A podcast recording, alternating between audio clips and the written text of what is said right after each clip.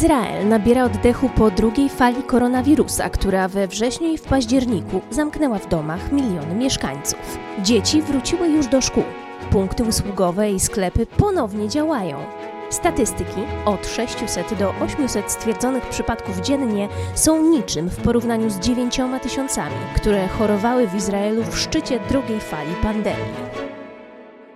Podobnie jak w innych krajach, i tutejszy rząd zamówił już miliony szczepionek dla swoich obywateli. Izraelczycy czekają na nią jak na zbawienie, bo niektóre restrykcje dotykają ich szczególnie boleśnie. Tak jak praktyczny brak możliwości wylotu z kraju. Od wiosny lotnisko Ben Guriona jest niemal puste. Loty komercyjne prawie się nie odbywają, a wylecieć z kraju i powrócić mogą tylko osoby z podwójnym obywatelstwem. Większość obywateli pozostaje więc w domu ze spotęgowanym poczuciem klaustrofobii, bo z Izraela niemal nie da się wyjechać inaczej. Wciąż walczy on o bezpieczeństwo swoich granic. To bezpieczeństwo Izrael uzależnia od relacji z USA, dlatego wybory w Stanach budziły w Jerozolimie tak wiele emocji. Bliskowschodnia polityka prezydenta Donalda Trumpa, a szczególnie jego wizja pokoju między Izraelczykami i Palestyńczykami, którą zawarł w porozumieniu stulecia, zdradziła silną sympatię do racji izraelskich, nie pozostawiając Palestyńczykom pola manewru. Widać to było zresztą już wcześniej. W ostatnich latach prezydent przeniósł ambasadę USA z Tel Awiwu do Jerozolimy, uznał suwerenność Izraela nad wzgórzami Golan i odciął pomoc finansową dla Palestyńczyków. Dał też zielone światło izraelskiemu osadnictwu na zachodnim brzegu.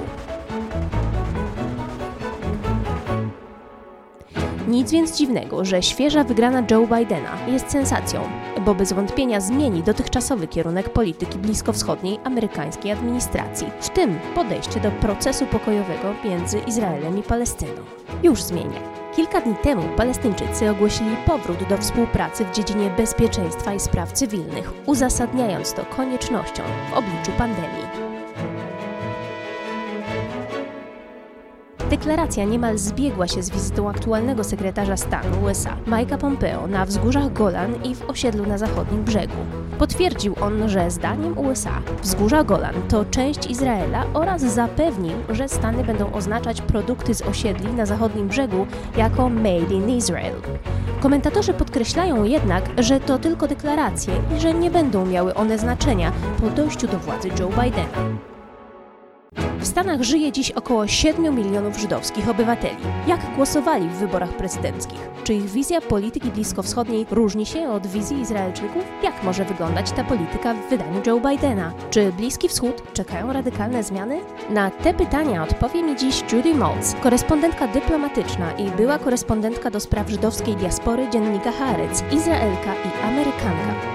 Nazywam się Karolina Przewrocka-Aderet, a ten podcast powstaje dla Państwa w Tel Awiwie.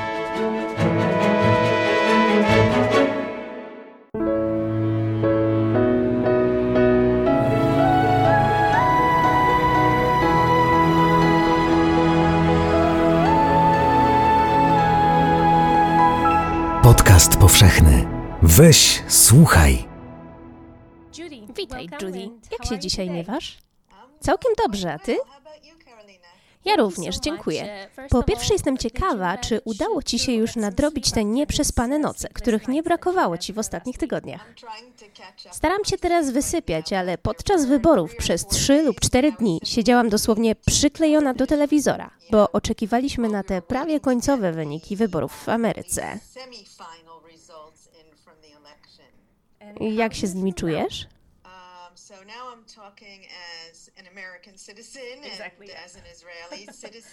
Na to pytanie odpowiem Ci jako Amerykanka oraz Izraelka. Wiem, że jako dziennikarka nie powinnam mówić o moich osobistych sympatiach, ale cóż, mówiąc szczerze, nie lubiłam Donalda Trumpa i teraz czuję ulgę. Jestem zadowolona z tych wyników. Przez kilka godzin, to była wtorkowa noc, po tym jak podano wyniki sondażowe w większości stanów, byłam zestresowana. Zwłaszcza po tym, gdy okazało się, że Trump wygrał na Florydzie. Sprawy nagle przybrały inny obrót, na niekorzyść demokratów, albo tych, którzy chcieli się pozbyć Trumpa. I nagle miałam déjà vu z 2016 roku. No ale teraz tak, czuję ulgę. Może sprawy będą inne na świecie.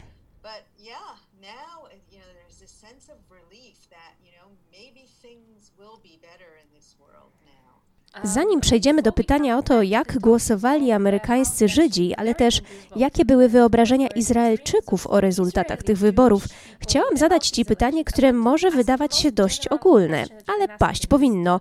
Czy mówimy tu o możliwym trzęsieniu ziemi, jeśli chodzi o przyszłą politykę Stanów Zjednoczonych względem Bliskiego Wschodu? Czy to potencjalne trzęsienie to tylko i wyłącznie sen paru zwolenników lewicy z Tel Awiwu i kilku Palestyńczyków, którzy wciąż ważą się marzyć o pokoju? Nie sądzę, że wydarzy się tutaj jakiekolwiek trzęsienie ziemi i to z wielu powodów. Po pierwsze, zarówno Bliski Wschód, jak i na dobrą sprawę reszta świata nie będzie priorytetem dla Joe Bidena, gdy wkroczy do Białego Domu. W tej chwili ma znacznie większe kłopoty. Stany Zjednoczone odnotowują 130 tysięcy nowych przypadków zakażenia COVID-em dziennie, Prawie ćwierć miliona Amerykanów zmarła z powodu tej strasznej choroby. A więc pokój na Bliskim Wschodzie? Czekał 72 lata, może więcej, a niektórzy powiedzą nawet 100 lat. A więc poczeka jeszcze kilka miesięcy, albo nawet i kilka lat. To nie jest w tej chwili najbardziej palący problem w agendzie nowego prezydenta. Inna sprawa, że nawet jeśli chciałby się tym zająć, gdyby wszystko było w porządku, nie było pandemii, bezrobocia, to przecież ludzie, którzy stanowią w tym temacie tu, w Izraelu oraz w Palestynie, nie zmienili się.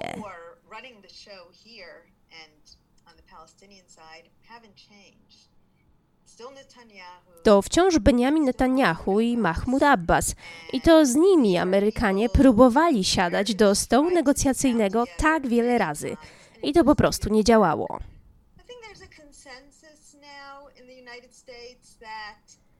Myślę, że w Stanach zapadła już zgoda co do tego, że z tą sprawą trzeba będzie poczekać na kolejnych liderów, którzy zastąpią tych obecnych i dopiero wtedy próbować na nowo. W tej chwili jest to przegrana sprawa. Dlatego uważam, że nie doświadczymy teraz żadnego trzęsienia ziemi. Może tylko dla Palestyńczyków. Nowa sytuacja przyniesie szybkie rezultaty. Na przykład to, że administracja Bidena, co zresztą sam już zapowiedział, ponownie otworzy amerykański konsulat we wschodniej Jerozolimie, adresowany do populacji palestyńskiej. W tej chwili konsulat jest połączony z ambasadą w Jerozolimie, od czasu, gdy ta przeniosła się do Tel Awiwu. Palestyńczycy są oczywiście niezadowoleni z tego powodu. Czy Biden może przenieść ambasadę z powrotem do Tel Awiwu? Nie, nie sądzę. Zresztą już to powiedział. To już się stało. Nie powie też zresztą, nie uznajemy izraelskiej zwierzchności nad wzgórzami Golan. Co się stało, to się nie odstanie.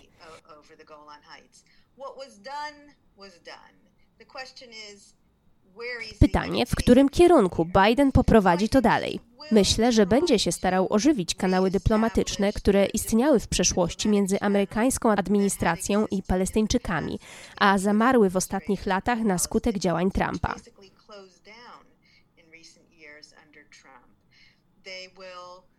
Najprawdopodobniej swoje drzwi ponownie otworzy w Waszyngtonie przedstawicielstwo Organizacji Wyzwolenia Palestyny.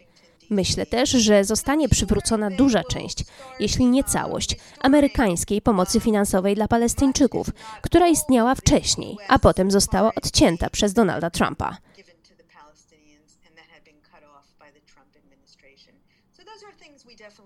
Zobaczymy.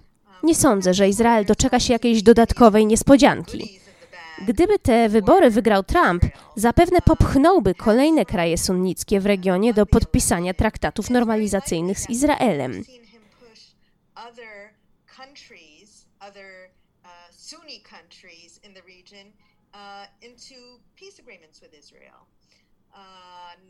Oczywiście nie oznacza to w żaden sposób, że Biden byłby im przeciwny. Wręcz sam z radością powitał umowę ze Zjednoczonymi Emiratami Arabskimi ale nie sądzę, żeby miał to być dla niego w tej chwili priorytet.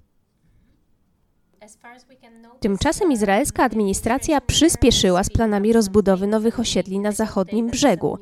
Osiedla to kolejny, oprócz Jerozolimy czy wzgórz Golan, zapalny temat.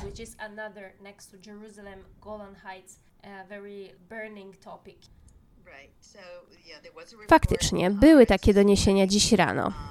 Urząd Miasta w Jerozolimie próbuje wykorzystać ostatnie miesiące obecności Trumpa przy sterach władzy i przepchnąć budowę osiedli na terenach położonych poza zieloną linią.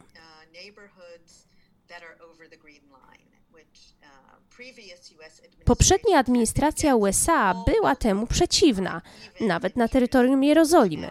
Obecna administracja oficjalnie uznaje Jerozolimę za stolicę Izraela. Pewnie będzie takich sytuacji więcej. Jeszcze zobaczymy próby szybkiej rozbudowy osiedli na zachodnim brzegu, by maksymalnie wykorzystać ostatnie miesiące władzy Donalda Trumpa.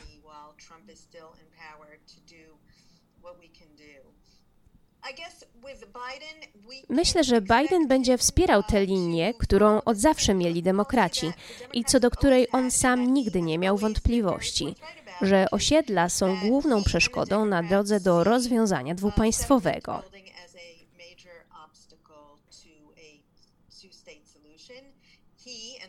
Zarówno on, jak i demokraci bardzo wierzą w to rozwiązanie a także w to, że większość, o ile nie wszystkie budowle, które powstają za zieloną linią, są nielegalne i że to jest okupacja.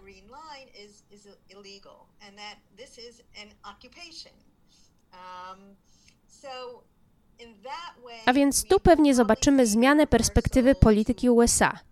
Powrót do tego, co działo się przed 2016 rokiem.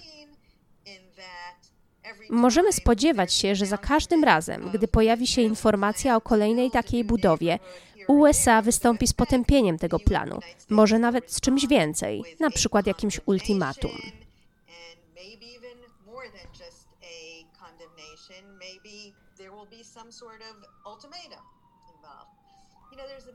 Mówi się teraz, że Biden może próbować połączyć temat zawierania umów z kolejnymi arabskimi krajami z tematem dalszej rozbudowy osiedli.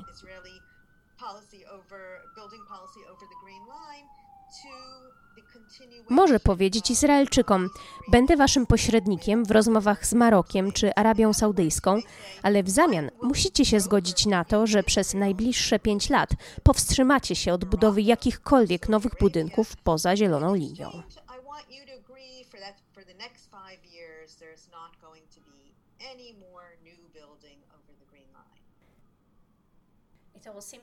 To chyba zła wiadomość dla Izraelczyków. Trump był dla nich najlepszym amerykańskim przyjacielem, jakiego mogli sobie wymarzyć. Jak Izraelczycy się z tym czują?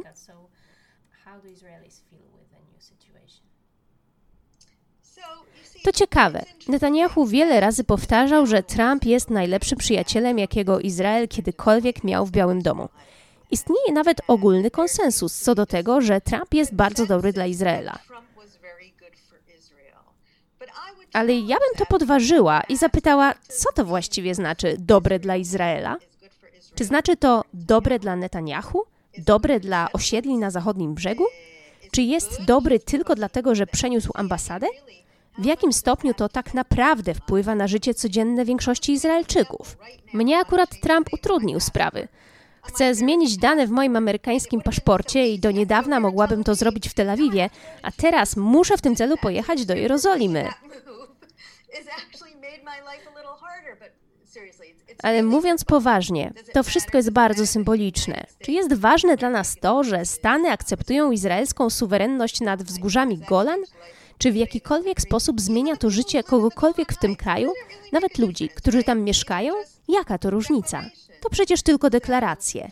Moim zdaniem dobry dla Izraela byłby prezydent, który popchnąłby Izrael i Palestynę do porozumienia pokojowego tak, by wreszcie zakończyć ten konflikt. No ale wciąż pozostaje pytanie, jak go zakończyć. Czy dobre będzie dwupaństwowe rozwiązanie, czy jednopaństwowe, bo ten pomysł też nieśmiało przebija się na powierzchnię. Porozmawiajmy teraz o Palestyńczykach. Kilka dni temu zmarł Saib Erekat, główny negocjator strony palestyńskiej w procesie pokojowym. Odnoszę wrażenie, że teraz głos Palestyńczyków będzie jeszcze słabszy, a przecież i tak od 2017 roku nikt nie brał ich pod uwagę, zwłaszcza podczas projektowania dealu stulecia. Jakie są ich reakcje na wyniki wyborów w Stanach? Nie zajmuję się Palestyną jako reporter, ale z tego, co czytam w lokalnych mediach, są zadowoleni. Dla nich ta zmiana to naprawdę dobra rzecz. No trudno, żeby było inaczej. Po Trumpie wszystko wydaje się lepsze. Bo przecież Trump ich zignorował. Odciął im pieniądze. Podpisywał porozumienia ich dotyczące, nie konsultując tego z nimi. Dosłownie ponad ich głowami.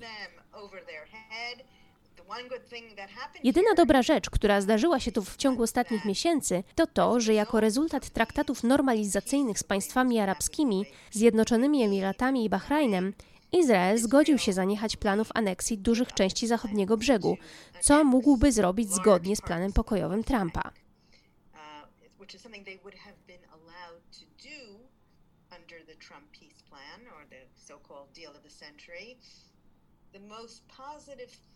Myślę, że z Bidenem jest większa szansa na rozwiązanie dwupaństwowe, bo będzie przeciwstawiał się rozbudowie osiedli.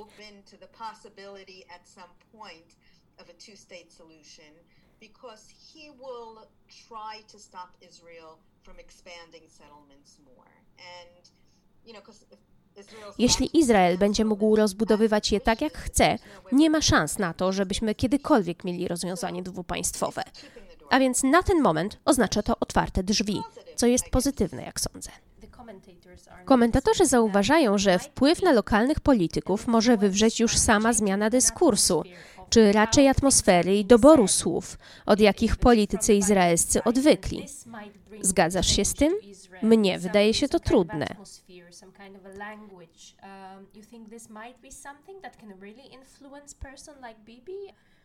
It's interesting because to interesujące, bo zaraz po tym, gdy Trump zaczął używać słów takich jak fake news, gdy zaczął atakować prasę i sądy, zauważyliśmy, że Netanyahu też poszedł w jego ślady. Niemalże skopiował jego język. Benny Gantz, który był przeciwnikiem Netanyahu podczas wyborów w 2019 i 2020 roku, był przez wielu porównywany do Joe Bidena.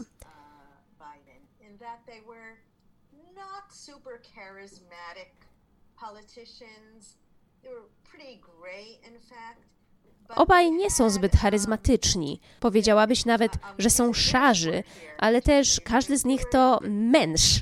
Pozwól, że użyję słowa widysz, które znaczy porządny człowiek.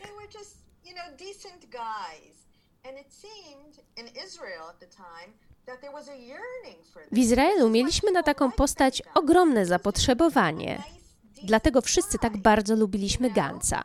Był miłym, porządnym człowiekiem. Nie próbował ludzi podzielić, nie próbował sprawić, żeby się wzajemnie zwalczali.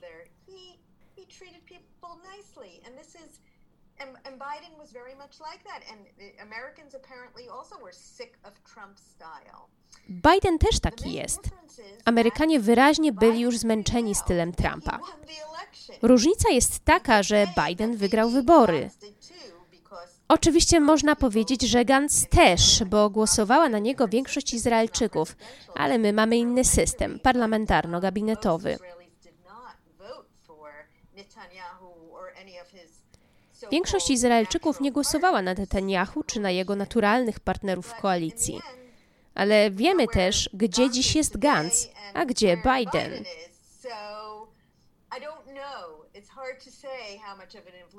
Charakter kandydata na pewno był tutaj czynnikiem. Ten miły gość rezonował z wyborcami. Ale w Izraelu to nie było wystarczające, by wynieść Beniego Ganca do władzy. Trudno dziś powiedzieć, by miał wsparcie nawet pośród swoich wyborców. Według ostatnich sondaży w ogóle stracił poparcie. Gdyby teraz odbyły się kolejne wybory, nie sądzę, żeby miał odnieść jakikolwiek sukces. Benjamin Netanyahu opóźnił swoje gratulacje dla nowego prezydenta. Tak, to było bardzo dziwne. Zwlekał 12 godzin, by pogratulować Bidenowi. Zrobił to w końcu, ale długo po pozostałych liderach, przynajmniej tych ważnych zachodnich państw.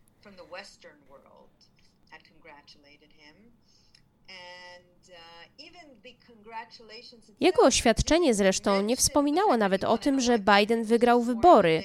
Chodziło w nich o bliżej niesprecyzowane gratulacje. Bibi był wyraźnie rozdarty. Trump był dla niego wspaniałym partnerem. Bibi wiele mu zawdzięcza. Za każdym razem, gdy w Izraelu ogłaszano wybory, a przez ostatnie półtora roku mieliśmy aż trzy takie sytuacje, Trump pomagał mu w zdobyciu głosów. Na krótko przed wyborami wyciągał jakiegoś królika z kapelusza tak, aby podtrzymać wizerunek magika, którym cieszy się w Izraelu premier. Zgodnie z tym wizerunkiem może on wszystko. Z jednej strony dobrze rozumiem, dlaczego Bibi miał ambiwalentne uczucia. Czy na pewno mogę pogratulować Bidenowi i zdenerwować tym Trumpa? Przecież musimy z nim być jeszcze w kontakcie przez najbliższe miesiące. A jeśli się zdenerwuje, to może weźmie odwet? Pamiętam, że kiedy obudziłam się rano po wynikach wyborów i usłyszałam, że Bibi wciąż mu nie pogratulował, poczułam się zażenowana. I mówię to jako Izraelka i Amerykanka. A jak głosowali amerykańscy Żydzi? Kto był ich faworytem i dlaczego? Amerykańscy Żydzi w zdecydowanej większości głosowali na Joe Bidena, ale to nie nowość, bo Żydzi w Stanach zawsze głosują na demokratów. Zgodnie z sondażem J Street, Biden dostał aż 78% głosów amerykańskich Żydów. Tu jednak trzeba pamiętać, że J Street to organizacja identyfikująca się z demokratami.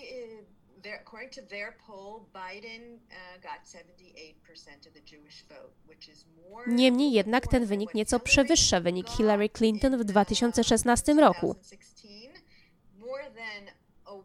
To więcej niż Obama w 2012, ale wciąż nie tyle, co Obama wtedy, gdy startował po raz pierwszy w 2008.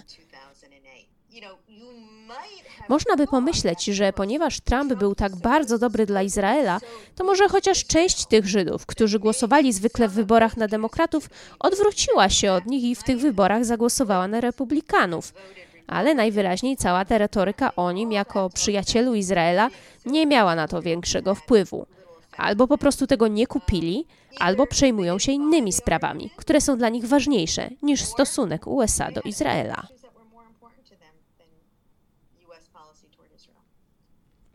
Niedawno izraelska telewizja wyemitowała głośny dokument o wpływie ewangelikanów na relacje Stanów z Izraelem. Dokument nie pozostawiał wątpliwości co do rzeczywistych ewangelizacyjnych intencji tej grupy. Tymczasem Biden jest katolikiem. Czy religia pozostanie jakimś ważnym kluczem co do jego zachowań względem Izraela? Nie, sądzę, że i w tej kwestii wrócimy do tego, co było kiedyś. Trzeba przyznać, że ewangelikanie mieli ogromny wpływ na Donalda Trumpa. To oni popchnęli go do uznania Jerozolimy za stolicę i przeniesienia tam ambasady. Są bardziej prawicowi w swoich przekonaniach niż najbardziej ekstremistyczni żydowscy osadnicy. Mamy grupę ewangelikanów z licznymi powiązaniami z wysokimi rangą politykami tu w Izraelu. Przywożą swoich wolontariuszy, ci pracują tu za darmo, uprawiają ziemię osadników.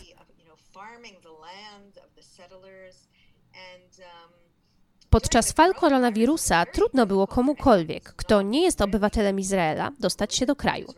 A ci ludzie tutaj przyjechali, dostali na to specjalne pozwolenie. Cieszą się szczególnym statusem w tym kraju.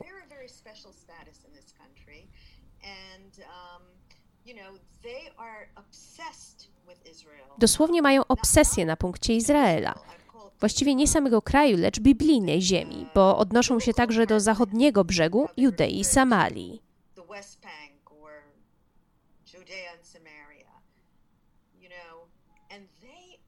Teraz po wyborach są w kłopocie, bo nie wiedzą, co się stało. Wierzą w to, że ten, kto błogosławi Izraelowi, będzie błogosławiony. I oto mamy Trumpa, który zgodnie z ich przekonaniami błogosławił bardziej niż jakikolwiek inny lider. I nagle, mimo wszystko, zostaje ukarany. Przegrał wybory i nie bardzo wiadomo, co dalej z tą informacją zrobić. Myślę, że w tym momencie stracili swoją sprawczość w Izraelu. Nawet jestem tego pewna. Wspomniałyśmy już o najjaśniejszych chyba stronach bliskowschodniej polityki Trumpa, czyli o traktatach ze Zjednoczonymi Emiratami Arabskimi i Bahrajnem. Ostatnio dołączył także Sudan i bardzo możliwe, że pojawią się następni chętni. Tak jak wspominałam, Biden na pewno będzie z tego zadowolony. Dlaczego miałby być przeciwko, jeśli zależy mu na promowaniu pokoju między Izraelem i innymi krajami w regionie? Ale myślę, że uzależni to od innych spraw, skłaniając Izrael do ustępstw w zamian za traktaty o normalizacji. Izrael już zresztą szedł na kompromisy w kwestiach, w których mediował Donald Trump, Zgodził się przecież na potężny układ zbrojeniowy USA ze Zjednoczonymi Emiratami, opiewający na 23 miliardy dolarów. Myślę, że Biden położy na stole warunek. Nie tyle, by w zamian za traktaty Izrael zgodził się na sprzedaż broni krajom arabskim, ile by wykonał konkretne gesty w stronę Palestyńczyków. Z pewnością ten najbliższy czas na Bliskim Wschodzie będzie bardzo interesujący. Czy zaplanowałaś już wakacje w Dubaju, gdy tylko będzie to możliwe? Bardzo na to czekam. Jeszcze przed koronawirusem zaplanowałam tam podróż, by opisać historię żydowskiej diaspory. Ale wtedy zaczęła się pandemia i mój lot niestety odwołano. Tak, to fascynujący temat. Jeśli jeszcze tam polecisz i będziemy miały okazję się spotkać, to koniecznie chcę o tym porozmawiać. Jesteśmy umówione. Dziękuję za to spotkanie. Thank you very much.